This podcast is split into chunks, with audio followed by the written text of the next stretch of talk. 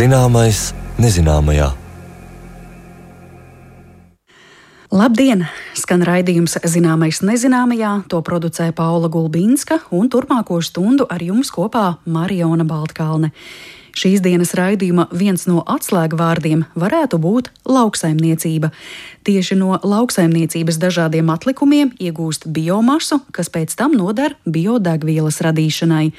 Tiesa, biodegvielas gadījumā runa nav tikai par lauksaimniecības atlikumiem, bet arī augu eļļām, sadzīves, rūpniecības, meža atlikumiem, pat notekūdeņu dūņām tik dažādi materiāli noder biodegvielas ieguvē.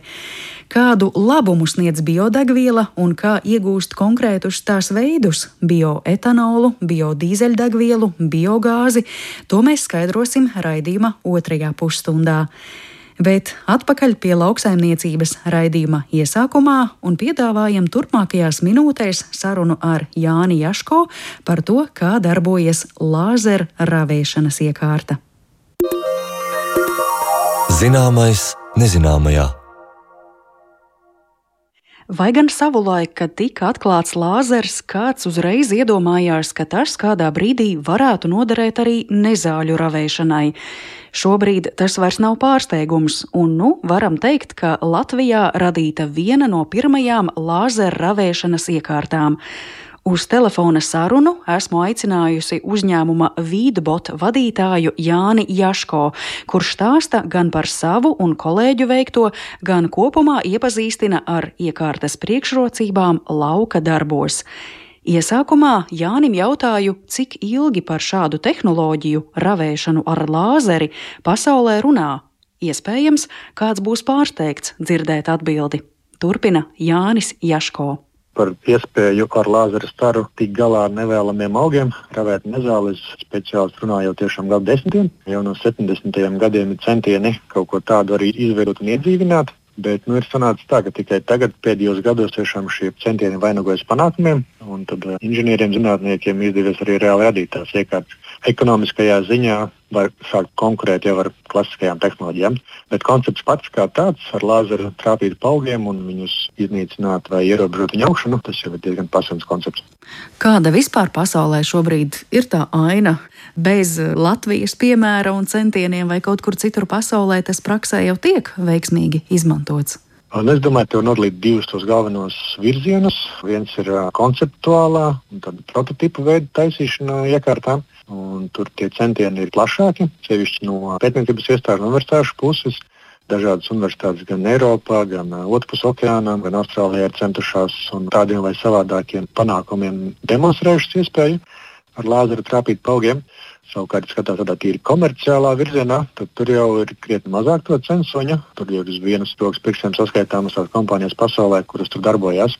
Un jau no tādiem veiksmīgākiem piemēriem, protams, mēs labprāt izceļam sevi, kuriem ir izdevies novest to iekārtu līdz darbībai uz lauka tādā lielākā mērogā, kā arī konkurenti no Amerikas Savienotām valstīm, ar kuriem arī tas ir veiksmīgi izdevies un iekārtas tiešām jau darbojas. Zemnieki jau izmanto tehnoloģiju, kad var ar lāzeriem iznīcināt nezāles. Kā tas īsti izpaužas eh, praktiski? Tagad eh, stādāmies priekšā, mums ir lauks ar, nu, piemēram, bietēm vai burkāniem, un eh, kā šī lāzera ravēšanas iekārta pa lauku pārvietojas. Tā tiek piestiprināta kaut kam klāt, vai tā arī kustas neatkarīgi pati par sevi? Šobrīd tas galvenais produkts gan no mūsu puses, gan arī no citiem piegādātājiem, citiem ražotājiem ir iekārta, kas piestiprināta traktoram Tāpēc to var droši iztēloties kā līdzīgu, piemēram, sēmašīnām, ko droši vien klausītāji dzirdējuši, redzējuši uz laukiem vai citai lauksaimniecības iekārtai. Tiecīgi priekšā ir traktors, aizmugurē lielāka vai mazāka uzparikte. Ja mūsu gadījumā sākot no 2 metru platuma līdz 6 metru platumam iekārta. Un, nu, jā, garumā kaut kāda arī 2-3 metri Šādā veidā traktors brauc uz priekšu, iekārta aizmugurē, tad iekārta iekšā ir salikts viss nepieciešamais, lai viņi spētu savu darbību veikt. Gan kameras, kas uzņem attēlus, gan datori, kas apstrādā iegūtu informāciju un atpazīst, kas ir kultūra, kas ir nezāles. Lāzeri un pārējās lietas, lai viņi varētu tā pilnīgi autonomi bez traktora tur arī darboties. Tā pašā laikā arī tādas pilnīgi autonomas iekārtas, pie tām arī ir strādāts un arī tādas izveidotas, nosaucot pilnīgi par robotiem, kas pašas gan atrod vietu, kur viņām pārvietoties un veic savu darbību. Jāsaka, ka šobrīd viņas tā īsti nav iedzīvojušās, jo nu, jāatzīst, ka nav tik vienkārši arī daudz uzdevumu, kas tam robotam būtu jādara. Viņam ir gan jāorientējas telpā, gan jābūt gana drošam, un arī izmaksu ziņā jābūt gana konkurētspējīgam. Tā kā uz šodienu var teikt, ka tā interese lielākā no zemniekiem ir par tādām traktoram pieliekamām iekārtām. Savukārt, tuvākā vai tālākā nākotnē, es domāju, tāda pilnīgi autonomija risinājuma arī vairs nav nekāda fantastika. Jau tagad ir mehāniskie rīki, kas braukā apkārt laika jautājums, kad arī pilnībā autonomas iekārtas jau būs tāda ikdienas lieta zemniekiem. Ko tad lāzeris galu galā izdara? Tātad lāzera iekārta piestiprināta traktoram, tā brauc līdzi, lāzeris sastopas ar nezālēm. Ko tas izdara ar nezālēm? Sadedzina tās? Principā, jā, lāzera stara iedarbība uz augu ir termāla iedarbība. Līdzīgi tāpatās kā zemnieki bieži vien izmanto dedzināšana ar liesmu. Latvijā varbūt mazāk izplatīta, bet pārējās Eiropas valstīs, arī Amerikā, tā ir tāda klasiska metode, kad ir tādi propāna degļi aiz traktora, kas ļauj tādu karstumu tikt galā ar augiem. Un arī lāzera gadījumā ir tieši tāpat. Tās lāzeris principā ir koncentrēta gaisma, un šī koncentrētā gaisma uzkarsē augu. Tad atkarībā no tā, cik ilgi augs tiek karsēts, tad ir vai no tā iedarbība mazāka vai lokālāka, uzkarst lapas un novīst pēc tam, vai ja lāzera jauda ir lielāka vai apstādes ilgums ir lielāks. Tad tā lapa ne tikai uzkarst, viņa var pilnīgi arī aizdegties un sadegt, pāraugļoties, tā kā pilnībā pārvērsties pelnos pēc tam. Jāni, droši vien eh, tas jautājums, kas daudziem cilvēkiem ir prātā, nu kā tad eh, šāda iekārta atpazīst, ko sadedzināt? Nu, piemēram, ja tā brauc pa lauku, kā tā zina, ka šis lūk ir burkāns vai biete, to mums nevajag dedzināt, bet lūk, šī ir nezāle un to vajag sadedzināt. Tā tiek kaut kā iemācīta atpazīt to, kas jādedzina. Jā, lai iekārta spētu atzīt, kas ir kas, kas ir kultūra, kas jāsaglabā un kas ir tas, ar ko jātiek galā, tad ir nepieciešama apmācība. Un tad priekš tā, līdzīgi kā citiem, šiem nu, mašīnu mācīšanās vai mākslīgais intelekts, kā nu, kurš tās tehnoloģijas sauc, ir nepieciešams datoram parādīt, kas īsti ir kas. Un tas notiekās ar lielu apjomu attēliem. Pirms tam tiek savākti attēli, kuros ir redzami gan tie mūsu vēlamie atsājumi augi, kultūra augi, gan arī pēc iespējas plašāks nezāļu sugu daudzveidība. Un tad jā, tiek veikta marķēšana attēlu, attēlā cilvēkam norādot, kas ir kas. Un tad šādi attēli, kuros ir gan redzams dažādi augi, gan katram pieliks kāds marķējums, kas tas īsti ir. Tas viss tiek uh, iemācīts vai rādīts datoram, un tad datora algoritms uh, no šiem attēliem mācās un cenšas atrast pats savas sakarības. Kāpēc šie trīs burkāni izskatās līdzīgi, un viņi ir burkāni, un kāpēc šīs trīs citas zaļās, zaļie klekši uz attēla, kāpēc tie neskaitās burkāni un tie būtu jāiznīcina. Tā tas tāds klasisks mašīnu mācīšanās vai mākslīga intelekta gadījums, kurā uz sagatavotās attēlu kopas tiek apmācīts algoritms. Bet cik ilgs laiks paiet, lai nu, tādu lāzeru ravēšanas iekārtu apmācītu ar konkrētu augu grupu? Jo droši vien jau nevar tā, ka tagad uh, vienā katlā samet gan vietas, gan burkānus, un šī iekārta mācās. Droši vien tas ir kaut kā pa etapiem, vai ne? Izejam pirmo periodu, iemācām iekārtai burkānus, apguva, tālāk ejam mācāmies bietes, tad tomātus vai kaut ko citu un tā tālāk. Nu, šobrīd jāsaka, tie mākslīgi intelektu risinājumi ir strauji gājuši uz priekšu, un tie varianti, kā darīt, ir ļoti dažādi. Var gan mācīt atsevišķu vienu kultūru augu, gan var mācīt visus kopā.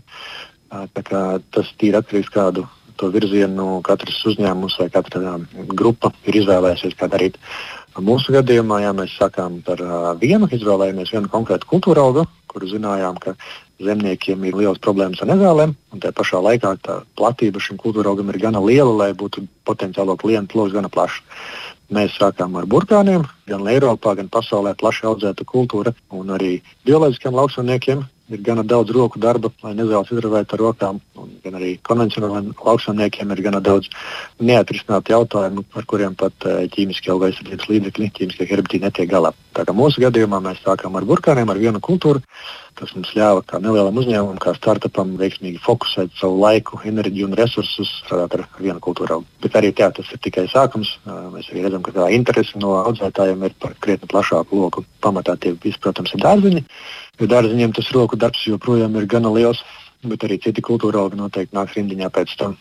Bet eh, sakiet, cik liela ir eh, šī kļūdu iespēja, ka tomēr tā iekārta iet un nu, pēkšņi tomēr sadedzina arī burkānus, ne tikai nezāles? Ar to kļūdīšanos ir līdzīgi tāpat kā cilvēkiem. Tas īstenībā bija arī viens no tiem sākotnējiem lietām, ko mēs jautājām zemniekiem. Nu, kā jums ir kļūdas, cik cilvēki ravējot ar rokām pieļauj, vai cik ķīmiskie aizsardzības līdzekļi izraisa kultūra augu bojāju, tā saucamo fitotoksicitāti.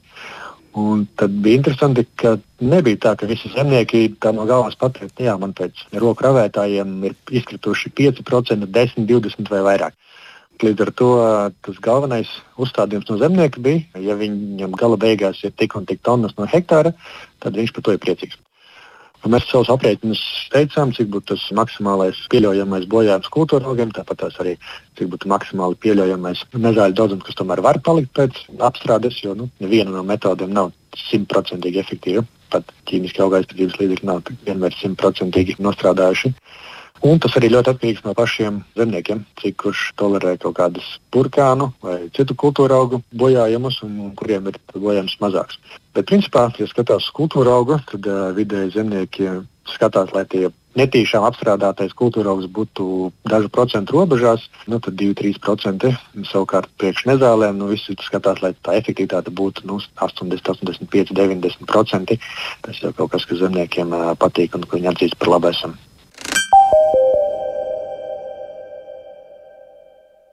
Jūs esat arī rēķinājuši tādā laika izteiksmē, cik teiksim, tāda iekārta, lāzera ravēšanas iekārta palīdz zemniekam ietaupīt laiku vai varbūt kādus citus resursus?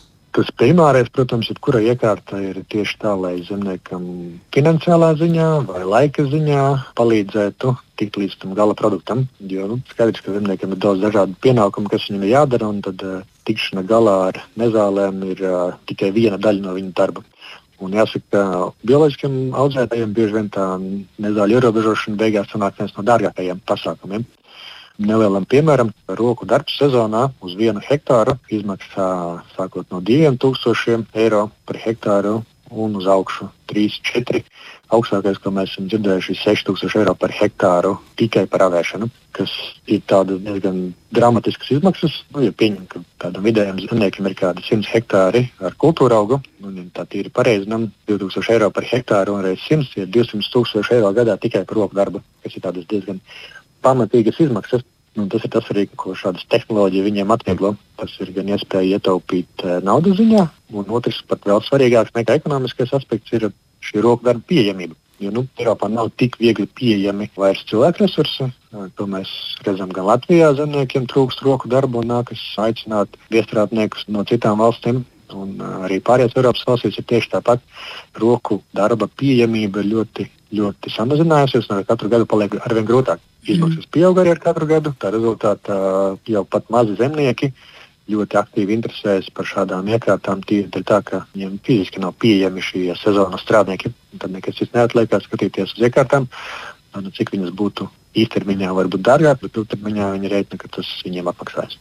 Un vēl, ja runājam par šīs iekārtas priekšrocībām, vai tā arī varētu sniegt kādu labumu zemnieka vai nu, jebkura cita cilvēka, kurš uz lauka strādā veselībai, jo mēs ļoti labi zinām, ka tiek izmantoti dažādi pesticīdi, herbicīdi, ķimikālijas, un varbūt, ja tur tam visam skaras klāt ar rokām, tas arī ir kaut kāds kaitējums zemnieka veselībai.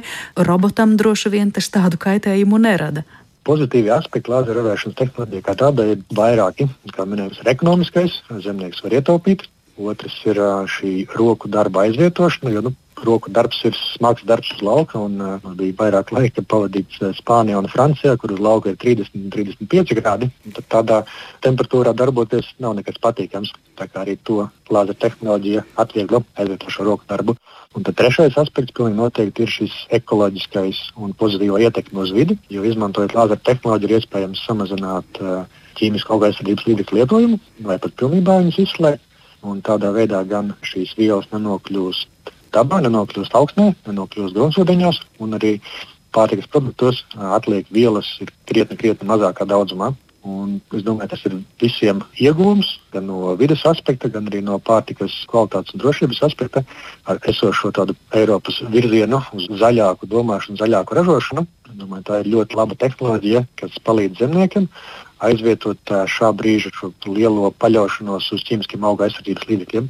Noslēgumā vēl Jānim Jaško jautāju, vai turpinot izstrādāt savu Latvijas lāzera ravēšanas iekārtu, viņš ar kolēģiem plāno sekot arī citu valstu, piemēram, ASV radītajiem iekārtu paraugiem. Jānis norāda, ka viņi noteikti vērtē to, ko dara citas zinātniskās institūcijas un uzņēmumi, mēģinot saprast labāko ceļu. Latvijā radītā iekārta uzņēmusi ekonomisko un ekoloģisko kursu. Tā ir maza iekārta ar mazu enerģijas patēriņu, un šīs īpašības arī tiks saglabātas kā Latvijas unikalitāte. Neapšaubāmi paredzēts izmantot arī daudzās iespējas, ko izsaucis lēciens mākslīgā intelekta attīstībā, un tas, protams, ļauj arī lāzera ravēšanas iekārtu padarīt pēc iespējas plašāk lietojamu.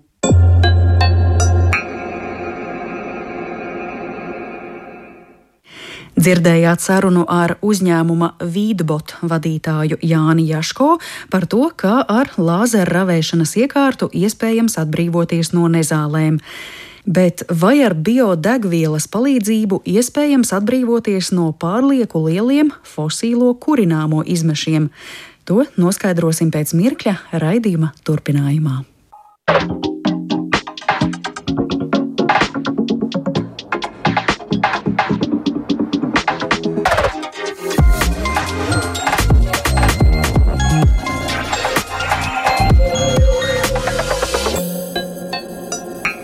Zināmais nezināmajā.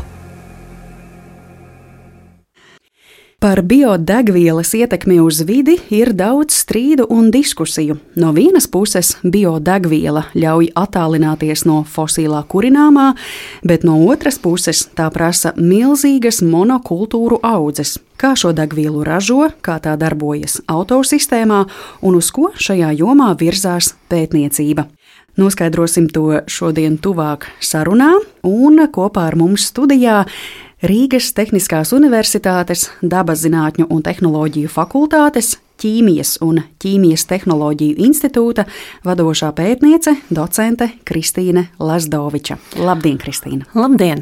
Iesākumā, manuprāt, būtu vērtīgi noskaidrot un atgādināt, kas tad vispār ir biodegviela. Un skaidrs, ka vārda pirmā daļa bio jau it kā norāda, ka tas ir kaut kas no dabas izēvielām iegūts, kaut kas vidēji draudzīgāks, zaļāks. No kādiem materiāliem tiek ražota biodegviela? Tātad Latvijas tirgu mēs varētu apskatīt šos divus šķidros biodegvielu veidus, kas viens ir bioetanols un otrs ir biodīzels. Bioetanols tiek iegūts bioķīmiskā procesā, izmantojot cieti saturošu kultūra augus. Mūsu klimatiskajos grādos tie ir kvieši, var arī būt kartupeļi, bet vairāk vai mazāk dominē tātad labība. Savukārt, ja mēs skatāmies otrpus okeānam ASV, tad tā jau ir kukurūza. Tātad šī biomasa vispirms tiek hidrolizēta, mums no cietas ir jādabūna šis monosaharīds, tātad būtībā cukurs kuru pēc tam augs spētu pārvērst par bioetanolu. Hidrolīze tas nozīmē sašķelt. Jā, sašķelt. Vispirms ir būtībā fermentācijas process. Tātad hidrolīze cietas lielās molekulas tiek sašķeltas par mazām. Tātad vispirms mums jāiegūst cukurs, jo augam garšo cukurs. Mm un pēc tam mēs iegūstam bioetanolu. Tad viņš tiek attīrīts, jo bioetanols, lai mēs viņu vispār izmantotu kā benzīna piedevu, viņam ir jābūt bez ūdens. Tātad eh, viņš tiek uz molekulāriem sietiem žāvēts. Bioetanolā šis ūdens saturs drīkst būt, ja nemaldos, 0,00 tad nu, praktiski viņš ir savs. Un tad bioetanols tiek pieaugts klāt benzīnam. No šī gada 1. janvāra tātad bioetanols pieaugums benzīnā ir no 9,5 līdz 10 tilpuma procenti. Šeit uzreiz ir jāmin arī tas, ka neatkarīgi vai ir bioetanola pieaugums, Arī pirms tam benzīna ķīmiskajā sastāvā ir bijis atļauts lietot 3% metanola, 5% etanola, līdz 15% metiltētas butilētera. Šie ir tie saucamie komponenti, kas uzlabo oktānu skaitli. Benzīnam ir oktānu skaitlis, jo augstāks oktānu skaitlis, jo labāk degviela sadeg, nevis detonē. Ja mums ir zemākas klases benzīns, tad ar zemāku oktānu skaitli, pieejaucot klāt šos skābekļu saturošos savienojumus, kuriem pašiem par sevi ir augsts oktānu skaitlis, mēs uzlabojam šīs degvielas īpašības neprasot lielus resursus. Līdz ar to nav tā, ka tagad pieejaucot bioetanolu pieaugumu benzīnām, iepriekš šādi te maisījumi nebūtu bijuši. Jā, šie savienojumi nav bijuši iegūti zaļajā veidā, viņi ir bijuši iegūti naftas pārstrādes procesos. Tagad šis bioetanols, kas ir tiešām iegūts bioķīmiskajā procesā, tiek pieaugts klāt. Jūs minējāt kukurūzu ASV, kviešus Latvijā, kā to izēvielu, kā vēl piemēram ar mums Latvijā tik pazīstamo rapsi. Rapsis tas ir otra izēviela, tas mm. ir biodīzels, kas pēc savas ķīmiskās struktūras ir pilnīgi savādāks nekā bioetanols. Mēs audzējam rapsi, no rapšiem tiek iegūta rapšeļa, tad tiek veikta transistifikācijas process, tātad rapšēļa metanola klātbūtnē, homogēnā katalizatora vidū, tātad sārma vidū, tiek iegūts šis saucamais biodīzels, kas ir rapšēļas metilesters. Un tātad šis rapšēļas metilesters, šī ir tā biokomponenta, ko mēs jaucam klāt dīzeļdegvielā, un kura no 1. aprīļa vajadzētu būt no 6,5 līdz 7 procentiem. Ja bioetanola gadījumā tā ir bioķīmiskā pārvērtība, vispirms mums viņš ir jāsašķeļ. Hidrolīze. Tieši tā hidrolīze fermentācijas procesa ietekmē. Un pēc tam mēs attiecīgi audzējam un iegūstam šo bioetanolu. Tad eļļas gadījumā mēs veicam tā saucamo transistifikācijas reakciju. Mēs pieliekam metanolu, pieliekam katalizatoru un būtībā iegūstam apšēļus metālēsteru, un blakus produkts mums ir glicerīns. À, tad mēs kaut ko liekam, liekam aizvien vairāk klāt. Būtībā jā, jo savādāk mēs vienkārši viņu nevaram iegūt. Bet šie abi procesi notiek samērā viegli. Teiksim, ja mēs skatītos pēc tādas lielas degvielu industrijas, tad šis te biodīzels, ko tiek iegūts no eļļas caur transistifikācijas procesu, notiek diezgan zemās temperatūrās, 65 grādi grādi. Šis process ir diezgan ātrs, tātad eh, stundas, divu stundu laikā mēs iegūstam produktu un būtībā notiek atmosfēras spiedienā. Tātad šī tehnoloģija ir nu, priekš lielas industrijas salīdzinoši vienkārša. Bet ir jāatcerās, ka eh, mums tirgu ir arī otrs ar vārdu, ko saprot biodīzelis. Tā ir tā saucamā hidrogenētā augu eļļa. Arī izēviela ir tieši tā pati eļļa, bet eh, šeit neveic transifikāciju, šeit veic hidrogenēšanu. Tātad tās ir stipri augstākas temperatūras, stipri lielāki spiedieni, pilnīgi savādāk katalizatori, bet šajā procesā iegūst biodīzeli, kas pēc savas ķīmiskās struktūras ir pilnīgi vienāds ar fosīlo dīzeļdegvielu. Un kurš augsts šeit tiek ņemts? Tātad, jebkuri triglicerīdi, Tur var būt gan eļļa, tur var būt atkritumēļas, tur var būt uh, dzīvnieku tauki, jebkura veida triglicerīdi.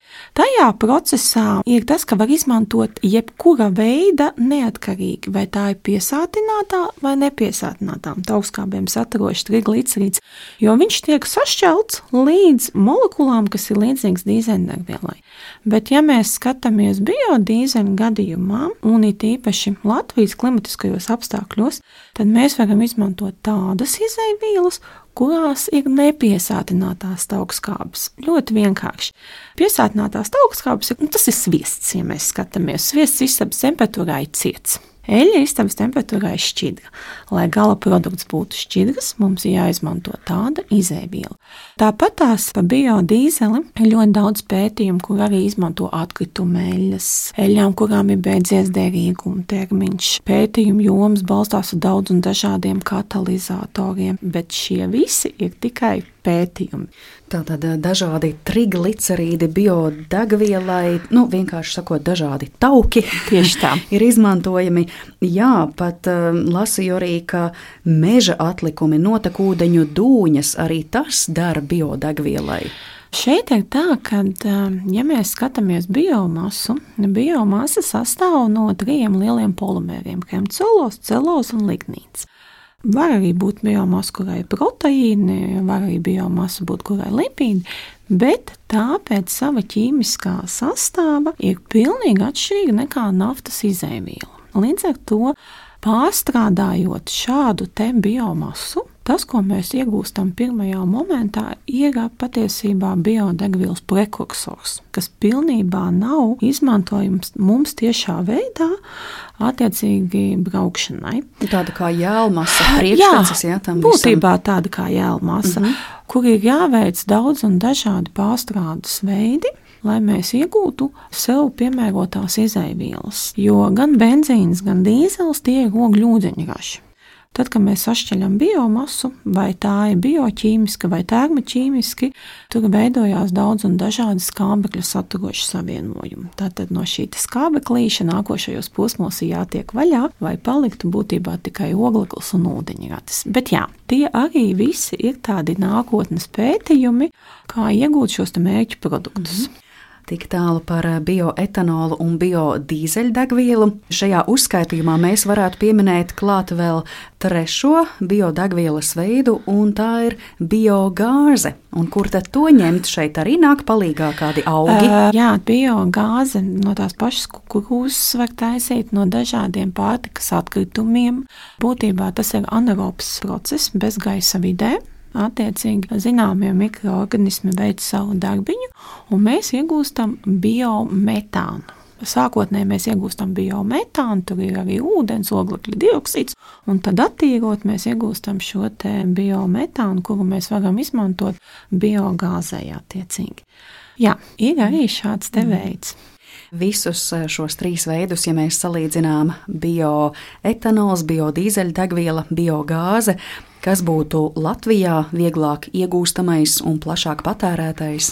Pirmkārt, mums vispirms jāskatās Latvijas autoparks. Latvijas autoparks 85% dīzeļmotori. Ja es nemaldos, apmēram 12 benzīns un biogāze tikai 3. Lielākais, ko patērē patērētājs, ir dīzeļdegviela. Līdz ar to mums ir vairāk vai mazāk jāfokusējās uz biokomponentu, ko mēs varam likt klāt dīzeļdegvielām. Un tas ir tas saucamais biodīzels, ko mēs arī paši ražojam. Mēs arī paši ražojam bioetanolu, un mēs arī biogāzi ražojam. Bet tāds lielākais būtībā patērētājam ir šis biodīzels, jo šis autoparka klāsts ir tas iespaidīgākais. Nu, tā tad lielie rapšu lauki ir pamatojums. Tam. Jā, tas ir pamatojums, bet vienmēr ir jāatcerās to, ka Eiropas Savienība nosaka, cik mēs drīkstam. Neviens lauksaimnieks nesēja vairāk nekā Eiropas Savienība atļāvis, jo nu, tas nav ekonomiski viņam izdevīgi. Un, ja mēs skatāmies visā Eiropas Savienībā, tad tikai 3% no lauksaimniecības pieejamām zemēm ir atļautas biodegvielai. Šeit arī jāatcerās, ka rapsi mēs audzējam, lai iegūtu rapšēļu, ko mēs arī lietojam uzturā. Un kas vēl ir ar rapsi tāda ļoti pozitīva lieta, iegūstot eļļu, mēs iegūstam rapšu raušus. Rapšu rauši tas ir tas, kas paliek pāri no eļļas ieguves. Un rapsim ir tāda ļoti pozitīva lieta, viņš satur gan eļļu, gan proteīnu. Un rapšu rauši ir proteīnu bagāta lobarība. Ko tas nozīmē? Tas nozīmē, ka Eiropas Savienība kļūst neatkarīga no sojas proteīna importa. Līdz ar to nu, varētu teikt, neatkarīgi no tā, vai būs šis biodīzels no rapša eļas metilēste, Eiropas Savienība audzēs rapsi. Viens ir eļļa, un otrs, ka mēs iegūstam lobarības šo produktu. Un tas ir ļoti nozīmīgs. Pieņemsim, Polija spēja pati sevi nodrošināt, un viņi ir ļoti, ļoti apmierināti, ka viņiem nav jāiepērk. Arī Vācija, jo, ja mēs skatāmies, tad, tad soja tā ir Dienvidamerika lielākoties, lielākoties ģenētiski modificēta. Un dēļ šīs lielās Eiropas Savienības pieprasījuma būtībā tiek izcirsti šie mūžzaļie meži. Un viens ir tas, ka pat Eiropa kļūst neatkarīgāk no importa. Otrs, kad eh, nu, tas savā veidā iet kopā arī ar dabas audzēšanu.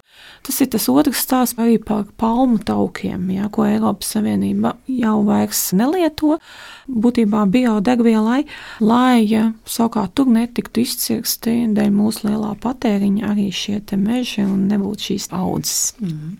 Un, ja mēs nonākam līdz patērētājiem, tātad automašīnas lietotājs, šoferis, kurš tagad ņem šo biodegvielu, vienalga kuru no trim veidiem un izmanto, kā patērētājs, šajā gadījumā konkrēti automašīna un auto detaļas, tiek galā ar šo degvielu un kā to sagramo. Jo ir dzirdēts, ka tieši šī biodegviela tas nozīmētu biežākas vizītes servisā Kāpēc? Vai biodegvielu automašīnai ir grūtāk sagramot?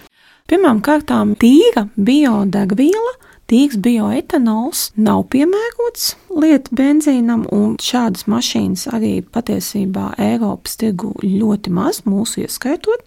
Tātad bioetanols būs benzīna pieaugums, Ar tīru biodīzeli Latvijas apstākļos mēs arī nebraucam, jo biodīzels tiek pieaugts klāt tikai vasaras dīzeļdegvielai saistībā ar to, ka viņām šīs augstumu temperatūras ir stipri zemākas. Līdz ar to ir mašīnas, kuras var braukt ar tīru biodīzeli, bet tātad patērētājam tas būs pieaugums pie dīzeļdegvielas. Neatkarīgi no tā, vai tā ir biodegviela vai tā ir fosilā degviela, ja patērētājs viņu pērk certificētā benzīna tankā, degvielu, kas atbilst standartam, viņai nevajadzētu darīt nekādu kaitējumu mašīnām, autotransportam. Ļoti spilgts piemērs ir parasti ar to, ka lielākais mūsu autoparks, tātad 60%, ir lietota automašīna, kas nāk no Rietuma Eiropas.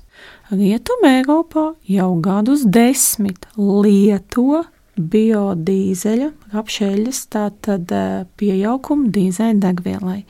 7% jau pietiekami ilgi mēs pakāpeniski ejam attiecīgi.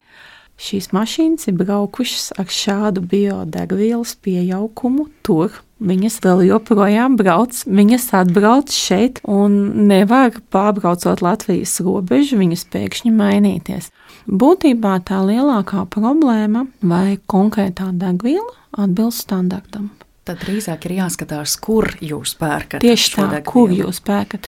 Pētījumi pētījumi ir daudzi veikti gan Rīgas Tehniskajā universitātē, gan Latvijas Biozinātņu un tehnoloģijas universitātē, jaucot šo biodegvielu fosilu un skatoties visus tos rādītājus. Nu, nav tā, ka šis transports tiktu sabojāts. Viss ir būtībā, vai degviela atbilst standartam. Tiklīdz degviela neatbilst standartam, jā, viņa var radīt problēmas ar gumijām, ar trubiņām, ar visu kaut ko. Šeit ir būtībā vairāk stāsts nevis, ka pati biodegviela to ietekmē, bet vai konkrētais degvielu maisījums atbilst konkrētajam standartam, ko mēs izmantojam savā automašīnā. Bet nu, viennozīmīgi mums ir arī nelegālais degvielu tirgus. Mm. Vilto, vilto gan fosilo degvielu un vilto arī biodegvielu. To nevar noliegt, tas tā ir. Biodīzeļa tāda viltošana ir vairāk saistīta ar parasto augļu, un savukārt bioetanolu tādu viltošanu mēs vienkārši šo etanolu pieliekam, kas ir attiecīgi lētāks, satur ūdeni un attiecīgi rada visus šos procesus. Es drīzāk teiktu, ļoti būtiski ir degvielas kvalitāte. Mm -hmm. Es eh, sarunas pašā sākumā ieskicēju jau iespējamās priekšrocības un trūkumus eh, biodegvielai. Tātad eh, no vienas puses tā ļauj attālināties no fosilā kurināmā, bet no otras puses ir nepieciešamas milzīgas monokultūra audzes. Tad, ja mēs runājam par šīm priekšrocībām, cik lielā mērā biodegviela atrisina problēmu ar fosilā kurināmā izmantošanu un ar visām no tā izrietošajām sekām. Jo jūs jau arī savā stāstā vairāk kārt minējāt, ka tīrā veidā mēs nelietojam bioetanolu, biodīzeļu degvielu, mēs to pieliekam klāt jau uz naftas bāzes radītai degvielai. Tad eh, cik daudz šī fosilā problēma tiek atrisināta? Ļoti būtiski skatīties visu pasauli kopumā. Mēs esam tikai viena daļa, un arī Eiropas Savienība ir viena daļa. Bioetanolu ļoti brauc Brazīlijā. Ar bioetanolu pieaugumu līdz 85% bioetanols 15% fosīlais ir arī Amerikā. Bioetanolam, kas tāds mīnusiņš ir, ka viņam ir jāaugsts oktānu skaitlis, bet viņu vajadzētu pa vienu trešdaļu vairāk nekā benzīna, lai mēs sasniegtu to pašu jaudu attiecīgi, jo viņam ir zemāks sadegšanas siltums. Bet jā, tā tad daļa pasaules viņu lieto. Par biodīzeli arī tātad Dienvidē Eiropā viņu brauc tīrā veidā, attiecīgi viņiem šīs ziemas nav, viņiem nav šie te problēmu. Ar biogāzi arī ir, kas braukā. Jā, pie mums patiesībā tie ir maisījumi, jo tie prasītu šīs infrastruktūras uzlabošanu emisijas, jā, biodegviela, tas viņas, teiksim tā, lielākais pluss ir, kad augot šim augam, viņš patērē oglekļa dioksīdu, lai notiktu fotosintēze, lai viņš izaugtu. Tad, kad mēs degvielu sadedzinām, tad neatkarīgi vai tā ir biodegviela, neatkarīgi vai tas fosilais, jebkurš sadegšanas process radīs oglekļa dioksīdu, pilnā sadegšanas veidā oglekļa dioksīdu un ūdeni. Bet šeit šis cikls turpinās, viņš viņu uzņem, un atkal būtībā tas būtu kā slēgtais oglekļa cikls. Augs viņu uzņem, viņš pats viņu beigās rada, bet viņš atkal uzņem un aug. Un uh, biodegviela samazina apmēram pa 6% samazina šos oglekļa dioksīda izmešus. Tā tad fakts, ka tur iekšā ir kaut kas zaļš. Jā, viņš to dod. Mhm. Un tas ir patiesībā pirmais solītis, jo mēs nevaram gaidīt um, ļoti revolucionārus izmaiņas.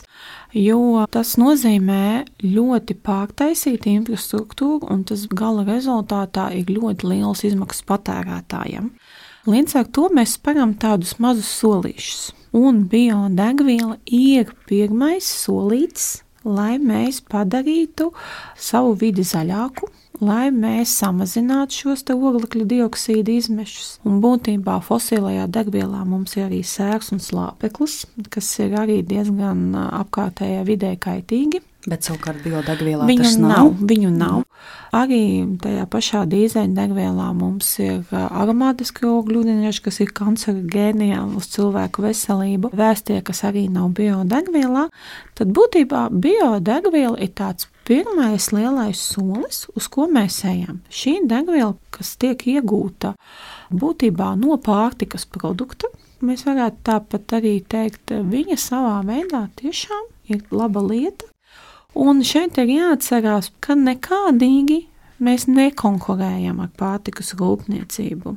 Mēs nevaram to teikt par visu pasauli. Mēs varam runāt par savu Latviju, ņemot vērā tik, cik mums Eiropas Savienība ļauj audzēt rapsi. Un to eļļu, ko mēs iegūstam no šī rapša, viņa pilnībā spētu nosegt mūsu visu tirgus segmentu. Tā tad vienkāršiem vārdiem sakot, mums nevajag citas eļļas, mums pietiek ar apsi. Diemžēl patērētājs tam nav gatavs. Līdz ar to šāds liels eļļas kvantums pārtikas rūpniecībā neaiziet. Mēs viņu mierīgi varam izmantot biodegvielai. Mm. Nu, skaidrs, panacēja, protams, tā jebkurā gadījumā nebūs. Kā jūs teicāt, tas ir solis uz kaut ko tīrāku, labāku, zaļāku. Konkurence tātad pārtikas nozarei tā arī īsti nav, bet eh, ja mums būtu jāapsver kāds iespējamais biodegvielas trūkums, vai jūs eh, samanāt, ka kaut kādi riski varētu būt? Mēs šeit ik pa laikam runājām par rapšu laukiem. Tātad rapšu lauki, monokultūras, ja ir monokultūras, tas varētu būt risks augsnei, ka tā tiek noplicināta, ka tiek piesaistīti viena konkrēta veidā kaitēkļi, vai tas tas ir risks?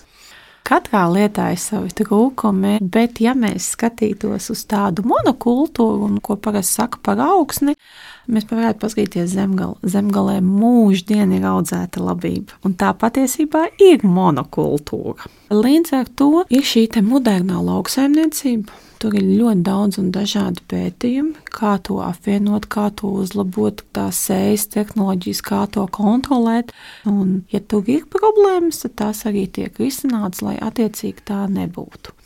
Nu, skaidrs, ka biodegviela tas ir arī politisks jautājums par Eiropas Savienību. Jūs jau arī vienā mirklī pieminējāt, cik, piemēram, reāli valstīm ar dažādiem resursiem, cik ir iespējams sekot līdzi visām atkal Eiropas prasībām, mērķiem radīt videi draudzīgāku degvielu. Jo mums taču ir jāņem vērā tas, kas valstī aug, tas, kas var izaugt, un arī galu galā, cik mums valstī ir iedzīvotāju, vai ne? Latvijas, Lietuvas situācija noteikti būs atšķirīga no Vācijas, Francijas. Tieši tā. Nevajag visu vienādi piemērot visiem. Tas ir skaidrāks par skaidru. Un bieži vien mēs pildām kaut kādus normatīvus tikai tāpēc, ka to vajag. Tas nav tikai biodegvielas sfērā, tas ir ļoti, ļoti daudzās sfērās. Būtu vairāk jāizvērtē, gan matemātiski aprēķinot, gan saprast, ko tad mēs īsti iegūstam, cik daudz par to maksā patērētājs, cik daudz ir vajadzīgas investīcijas un kurš tad ir tas labākais variants. Bet mums ir jāveic solīts pa solītim.